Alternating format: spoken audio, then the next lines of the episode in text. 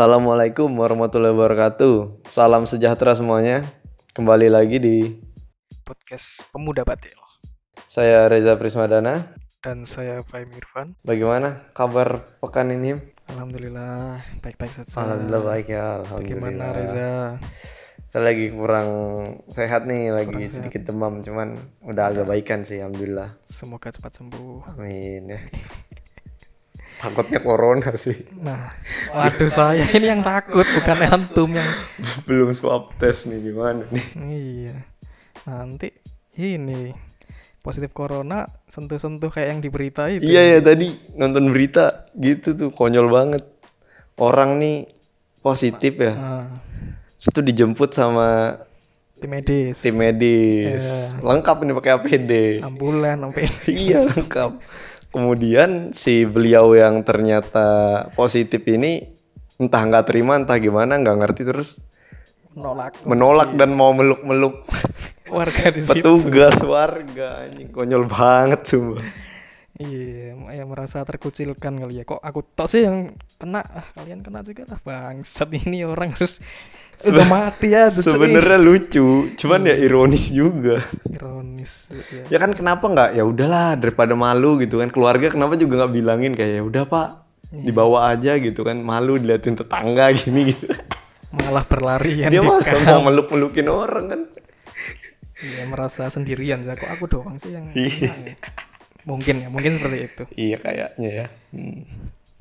Kalau enggak dia malu. Kemarin koar-koar kan Oh, jilat ludah pakai sendiri. Iya iya iya. Pakai masker bla bla bla. Besoknya aku aku kena. Malu dong. Wah bangsa. Eh, Siapa iya, ini yang nularin nyalahin orang kan? Bener bener. Itu bisa jadi tuh gitu-gitu juga. Gitu. Hmm. Tapi gini, Him, semisal di depan Anda tuh Nah, atau di depan kawan-kawan semua yang dengar nih, ada sebuah kejadian gitu apa emergency atau apa person in trouble gitu-gitu. oke. eh, yang akan Anda lakukan apa biasanya? Wah tergantung deh. Tergantung ya. Tergantung. Kalau semisal trouble ini kayak kecelakaan gitu ya. Kecelakaan Apa pun. atau melahirkan gitu ya. Tiba-tiba Ya, lapar gitu ya. Orang but-kebutan kemudian kecelakaan kan atau Hmm. apa gitu-gitu. Kalau aku sih nggak bantu sih. Maksudnya ya kayaknya mungkin telepon ambulan aja sih. Oh, ya itu bagian dari membantu sih sebenarnya nelpon ambulan. Iya, soalnya kan ndak ranahku. Maksudku nanti aku pegang-pegang bla bla bla. Ya kalau bantuin ngangkat mungkin bantu. Cuma Mau ya? mau insya Allah. Insya Allah ya. Insya Allah. Cuma setting ya kan nanti di realitanya entah apanya yang berceceran. Wah ngeri lah. Ya berdarah, mungkin matanya Berdarah-darah ya. copot gitu Siapa- kan. Iya siapa tahu kan gemeter. Iya, iya, ya tapi iya. insya Allah bisa bantu lah. Ya tapi gimana kalau Reza sendiri di posisi seperti itu gitu? Em, kalau saya pribadi tergantung. Nah kan tergantung. Kalau yang bermasalah misalnya abang-abang badan kekar ya ngapain ditolong kan? Dan ngapain dong? Reja si gemuk nggak harus turun dong. iya iya. Ngapain nun? Dia kan kekar loh, pasti dia bisa ngehandle gitu. Nah tapi kalau yang kena-kena permasalahan semisal anak kecil atau people with disability, wanita, hewan-hewan lucu, baru tuh Reza Prismadana turun tangan tuh. Tapi saya kan habis ini diserang oleh komunitas pria berbadan kekar. Iya, katakanlah Ya orang enggak dong. eh, pria kekar kecelakaan. Namanya pria sekekar apa pun Deddy Corbuzier kecelakaan loh. Ya pasti aduh aduh gitu coy. Ya Ya, kalau kuat. itu aneh nelpon ambulan jelas dong. Ya maksudnya kan nggak mungkin lah saya bantu ngangkat gitu kan. Oh iya, maksudnya itunya ya ya ya ya. ya. Si gemuk nggak nggak mungkin dong ngangkat si kekar kan. Si gemuk ternyata. Nggak mungkin dong. Oke. Ya kalau itu ya masuk akal. Gitu. Nah, sebenarnya kalau dari para pakar psikologi sosial, eh, Oke. jadi para psikologi sosial itu Yup. menyatakan nih, Oh. ternyata kemungkinan kita untuk menolong suatu hal itu tergantung dari jumlah orang di sekitar. Iya, benar. Bener ya? Benar, benar. Ketika kita apa eh, ter terjadi di setting eh, ad- ada orang yang maksudnya ya kecelakaan atau tertimpa musibah ya, Yoi. yang bertanggung jawab atas tindakannya Mm-mm. Itu dipengaruhi oleh banyaknya orang-orang di sekitar. Oh, Nah, gitu ya. begitu. Eh, fenomena ter- tersebut apa yang yang seperti itu itu namanya bystander effect. Oh, standard effect ya. Itu dipopulerkan oleh John Darley dan Pip Oh, Platani. ini juga mungkin bisa dikenal sebagai apa? Bystander apati atau Genoves syndrome ya. Iya, Dikenal benar. selain itu juga ya ya ya. Itu. Pernah dengar. Bystander kan. Hmm. Bystander kan arti kasarnya kan Mengamat ya. orang yang pengamat ya, orang pengamat, orang yang berdiri, stander. Iya gitu. iya iya. iya. Nah, fenomena di mana semakin banyak jumlah orang yang ada atau saksi, Mm-mm. maka semakin kecil kemungkinan orang-orang untuk membantu seseorang yang berada dalam kesulitan. Oh. Jika menjadi bagian dari kerumunan yang besar, sebaliknya ya, Mm-mm. eh, itu menjadikan individu itu tidak bertanggung jawab. Oh, Jadi iya iya. ya udahlah ada orang lain yang eh, ngurusin kali kalau itu di situ ada orang banyak begitu. Nah, penelitian yang dilakukan waktu itu eh Oleh siapa tuh penelitian ini? oleh sama kayak yang si Oh, John Darley sama John Bip Platani tadi ya. Bip Bip Jafar. Bukan Bip Bip Platani. Bip Platani. itu ya menemukan bahwasanya eh, seseorang itu bertindak, peserta itu bertindak atau mencari bantuan itu bervariasi tergantung eh, berapa banyak orang-orang yang ada di ruang percobaan itu. Hmm, hmm, hmm. Didukung lagi eksperimen tambahan oleh Latane dan Rodin tahun 1969. Latane rajin banget ya buat eksperimen. Latane memang Deep. si anak rajin. Apa cuk? Garing sih oke itu menemukan bahwa 70% orang akan membantu seorang wanita yang tertimpa kesusahan ketika mereka adalah satu-satunya saksi. Jadi di situ cuman ada dia dan si wanita tersebut. Tetapi hanya sekitar 40% yang menawarkan bantuan ketika orang la- ada banyak orang lain di situ. Begitu tapi kalau wanitanya ini Cantik selera umat. Iya, itu masuk Oh, juga itu faktornya. Ya, Semua nolong, Semua sikut nolong. menyikut itu. ikut menyikut, Pak. Nggak perlu ditolong pun luka lecet. "Oh, Mbak, Mbak, saya, saya angkat, Mbak, saya. Iya iya. iya. Cari-cari kan begitu sih. Bener bener bener. Itu ya. Heeh. Nah, sebenarnya kan kalau dari kasus ini efek pengamat ini sendiri Yep. itu itu awal mulanya kenapa sampai ada itu ternyata dari kasus Kitty Genoves. Kitty Genoves. Ngerti nggak? Ini kayaknya sering banget dulu Ya, keluar Kitty Genoves, John Benet Ramsey gitu-gitu kan. Iya, Benny Ramsey masih ingat ah. Ingat dong. Oke, siap. Eh, jadi ini kan si Kitty Genoves ini salah satu contoh kasus yang paling terkenal gitu.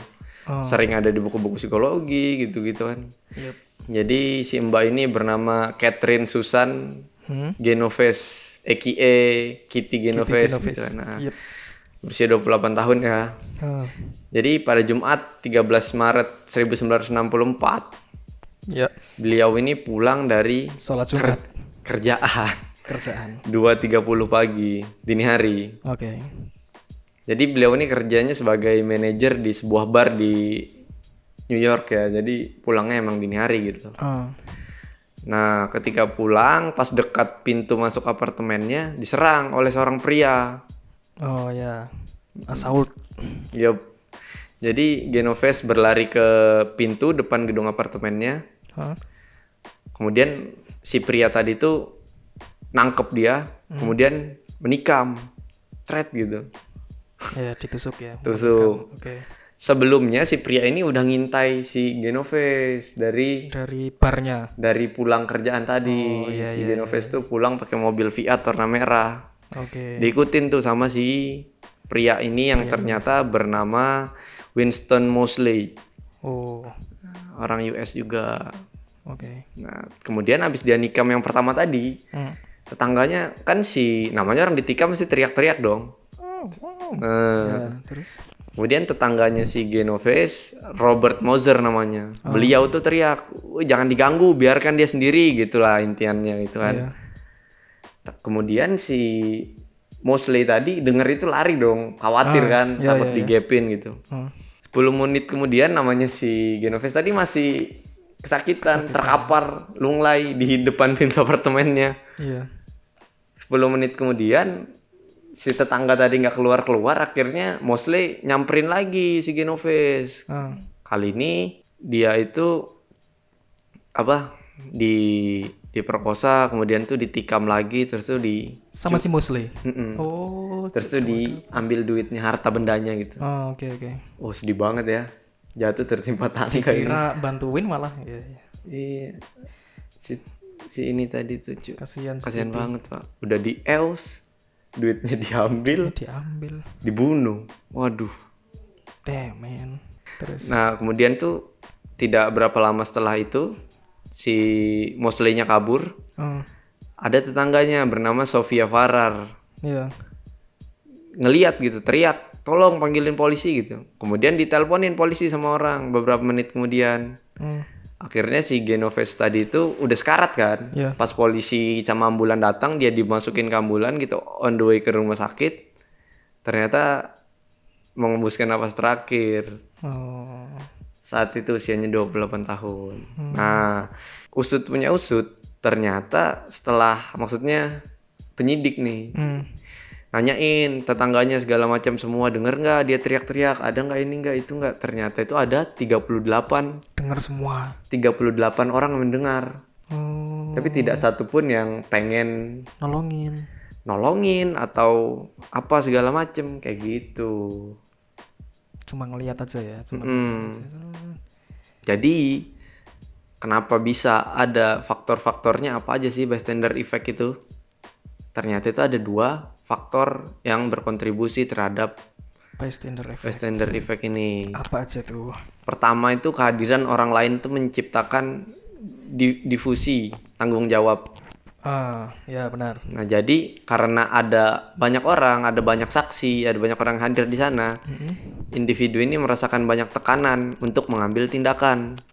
Tanggung jawab untuk bertindak dianggap harus dibagi sama yang ada di sana gitu. Jadi misal Ah, kita nih hmm, orang rame dihadapkan misalnya ada orang ditikam lah. ya. Eh nggak mungkin sih kalau ditikam pasti turun tangan. Eh, kalau Kecelakaan. kecelakaan lah ya. Iya. Pasti kayak ah, ada orang lain yang nelponin ambulan sama polisi ya udahlah gitu. Lewat aja. ada perasaan seperti itu bener lewat aja lah biarin gitu kan Hmm. Nah alasan keduanya adalah kebutuhan berperilaku dengan cara yang benar dan dapat diterima secara sosial Gimana itu? Nah, jadi ketika saksi lain tidak bereaksi individu itu menganggap ini sebagai sinyal bahwa respon tidak diperlukan atau tidak tepat. Jadi Oh, ngikutin ya berarti ya. ikutin jadi ini loh kalau kita ntar misal anggaplah ada mbak mbak X gitu jatuh di depan kita di rame nih terus kita nolong ntar ah so baik cu mentang-mentang cewek aja coba itu. Iya. mas mas kekar gitu. Nggak mau dia nolong kayak kayak gitu. Iya, iya, iya, iya. Yang lain malah ngikutin juga. ah. Mm-mm, ah nggak usah lah ntar disangka ini disangka itu gitu. Jadi saling-saling anu ya, saling saling nggak nolong, saling Iya iya. Padahal apa nah si dalam kasusnya Genoves tadi itu 38 orang mendengar ini semuanya ngira kalau itu ya cuman pertengkaran ini. Suami istri. eh, pacar ya Iya, pacar, pasangan, ya, pasangan. Heeh, Hmm, sama pasangannya. Padahal kan dalam keadaan genting lah keadaan Iya. krisis kayak gitu kacau terus tuh orang-orang sekitar memang ber- karena situasinya kacau juga orang-orang tuh bingung ini apa nih apa nih gitu nggak mau bertindak duluan gitu kan Iya.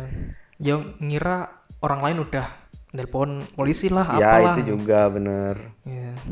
nah padahal kan dalam keadaan krisis kayak gitu sering kacau dan situasinya tidak jelas ya Yep. orang orang sekitar atau saksi mungkin juga bingung apa sih yang sebenarnya terjadi di situ gitu Hmm, Nah, dalam keadaan seperti itu, orang itu sering melihat ke orang lain atau kelompok-kelompok lain untuk menentukan apa yang harus dilakukan. dilakukan. Oh, iya, iya. Ketika mereka melihat bahwa tidak ada orang yang bereaksi, Hmm, nah itu juga mereka nggak ikut bereaksi kayak gitu. Jadi ngikut-ngikut ya. Ikut-ikut, bener-bener bahaya emang bystander ini. Jadi bystander ini ada sih tips untuk mencegah Gimana tuh? untuk mencegah eh, terjadinya bystander ya. Ini salah satunya psikolog itu menyepakati bahwa yang paling penting adalah menyadari bahwa kita sedang mengalami gejala ini. Maksudnya kita sedang menjadi seorang bystander nih. Hmm. Jadi harus aware gitu ya, kayak conscious kita aware gitu. Iya iya iya iya. Namun yang perlu diingat, tidak berarti Anda harus menempatkan diri Anda dalam bahaya. Hmm. Yang kayak aku katakan tadi, eh, katakanlah ada aku dalam pesawat nih, kemudian Dalam apa? pesa- Pesawat? pesawat ya terbang, bukan waktu covid ya kan sekarang nggak boleh. Iya iya. Nah kemudian ada eh, wanita yang eh, pregnant hal- hamil kan, nah itu waktunya labor, waktunya melahirkan. Ya bukan berarti ya aku jadi bystander kemudian aku harus menolong. Kan aku bukan dokter gitu. Iya, Maksudnya ntar soto Iya, jadinya. jangan cari bahaya juga ya jangan Iya, iya. jangan jangan asal-asal ya kamu Hindarilah Heeh. berbahaya. kalau memang itu butuh bantuan misalnya digeser ke samping apa biar enak apa gimana itu kita harus aware itu kita itu sedang jadi bystander kita itu harus menolong gitu Bener, harus bener. aware nah kemudian bagaimana jika eh, suatu hari Gimana jika satu hari Budi kita bukan Budi kalau eh, out of topic ya sekarang itu kayaknya nggak ada sih pelajaran guru yang ini Budi apa masih ada masih kayaknya. masih adekmu masih gitu Ya, adekku kan udah gede-gede ya. Oh iya. ya wis. Next ya. Eh goblok. Eh, gimana eh, jika suatu hari kita itu jadi yang kecelakaan? Nah, gimana kita eh, mengatasi orang lain tuh nggak jadi bystander? Kan bahaya juga sih. orang Bahaya, bahaya, bystander, bahaya, Kita megap-megap di jalan kan gimana gitu kan? Nah, eh, bagaimana cara menginspirasi orang untuk membantu Anda? Salah satu tekniknya adalah memilih satu orang dari kerumunan secara khusus. Hmm. Langsung dipik, wis. Langsung dipik. Mm, mm, Is mm, arek iki. Kode-kode mata. Ya, lakukan kontak mata, bener. Lakukan Iya, iya, kontak iya. mata dan minta bantuan orang tersebut secara khusus, Mas. Tolong teleponin ambulan bla bla tadi. Tapi kita harus tenang ya itu ya. Kalau kita panik mungkin ya wah wah, wah. gitu kan. Memang harus tenang. Seret, Bener bener. Mas, teleponin ambulan atau Mas iki tekeno lukaku atau gimana lah. Iya iya. Nah, dengan mempersonalisasikan permintaan kita kepada orang lain, Mm-mm. orang lain itu jadi sulit untuk menolak permintaan kita. Hmm, Gitu. Iya iya iya iya. Ya kan dilimpahkan beban. Dilimpahkan Tas. beban, tapi ini Tolong dong ini. Iya, heeh, tapi ini kan harus gitu loh Pak ya. Wajib lah kon Apalagi dalam aku. keadaan emergency kan. Oh, gitu kan. Iya iya iya.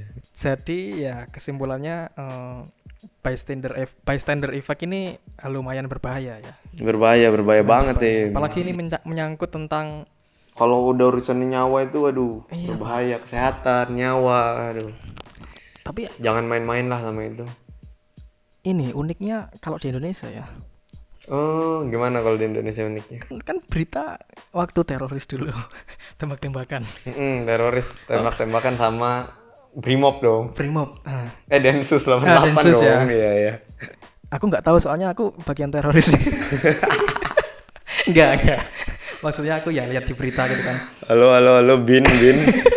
Teroris di sini Bin. Grebek ini saya sangat. nah itu kan, uh bystandernya gila pak itu pak. Ada orang ya motoin. Eh tapi kalau mau bantuin gimana? Masa pegang senjata orang-orang kan Iya, nggak bisa. dong.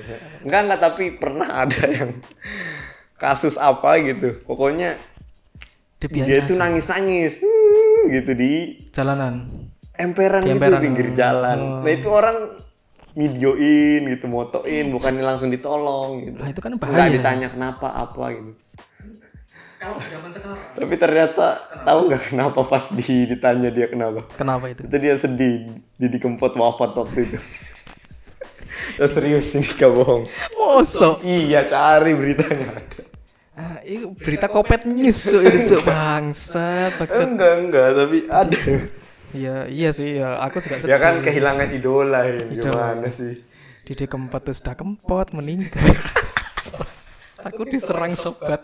Apa namanya? Ambiar. Sobat ambiar ya maaf ya maksudnya guyon guyon bercanda. Ya ini kalau disangkutin zaman sekarang ya. Aduh lupa lagi aku.